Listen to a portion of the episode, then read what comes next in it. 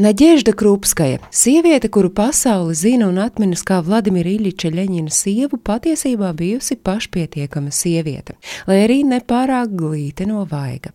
Naģēžda Konstantīnovna piedzima Sanktpēterburgā 1869. gada 26. februārī dišciltīgā, bet nabadzīgā ģimenē. Viņas tēvs, pensionēts virsnieks Konstantīns Ignaķevičs, nomira 44 gadu vecumā no tuberkulozes. Visa meitas audzināšanas nasta gulās uz māmas pleciem, kura, neraugoties uz finansiālajām grūtībām, iekārtoja savu meitu privātajā sieviešu ģimnāzijā Sanktpēterburgā.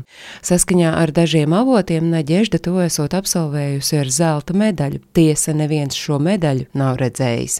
Pēc ģimnāzijas beigšanas gadu viņa mācījusies tolaik prestižajos bezstuževu kursos, taču revolūcija atrāvusi viņu no mācībām un Naģežda iestājās studentu marksistu pulkā, kā arī veica propagandu strādnieku vidū. Naģežda bijusi varen spītīga. Viņa pašmācības ceļā apguvusi vācu valodu, lai Marksu varētu lasīt oriģinālu valodā.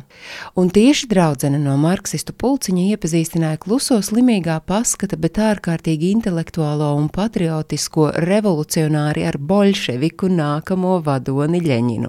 Tas notika 1894. gadā, kad revolūcijas vadītāja esot pārsteigusi par viņu gadu vecākās meitenes pārliecību un un spēja aizraut apkārtējos. Nākamā abu zīmīgā tikšanās notikusi vēlāk, augstā 1869. februāra vakarā, kad marksistiskais pulciņš rīkojas svinīgu pankūku vakaru kura goda viesis bija atbraucējis no Volgas. To vakar aizritējušas kaislīgas diskusijas par iespējamajiem revolucionārajiem ceļiem, un tad kāds ir ieminējies, ka svarīgas reformas veicamas gramatikas komitejā. Viesis esot sācis nevaldāmi smieties. Vēlāk Neģežda stāstījusi, ka tādus sausus, teju demoniskus smieklu izvirdumus viņa nekad nesot dzirdējusi Ļeņina izpildījumā, taču viņai tie ļoti, ļoti patikuši. 1897. gadā Ļeņinu izsūtīja uz Sibīriju, un nākamajā gadā arī Naģeždai piesprieda trīs gadu ilgu izsūtījumu, un viņai atļāva šos izsūtījumu gadus pavadīt kopā ar savu līgavaini Ļeņinu, taču ar nosacījumu, ka viņa nekavējoties apprecēsies. Saņēmusi ierēģņu atļauju, viņa ar mammu devusies pie sava izredzētā. Kā dāvanu viņa Ļeņinam aizvedusi par pēdējo naudu nopirktu petrolejas lampiņu. Kad Neģežda pa pastu saņēmusi no Ļeņina viņa sirds un rokas piedāvājumu, viņa atbildējusi: Nu ko, ja jau sieva, tad sieva. Taču vai abus patiešām saistīja mīlestības jūtas, vai arī tas bija tikai politiski fiktīvs pasākums, nav īsti skaidrs.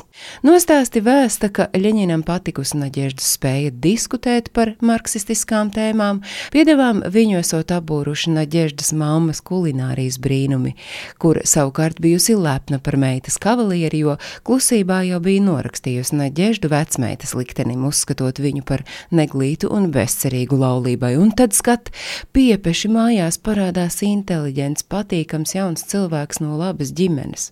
Kāzas notika pēc Naģēždas mammas ieceres ateistiem salauzājoties baznīcā, bet gredzeni esot veidoti no vara pieckapēku gabala.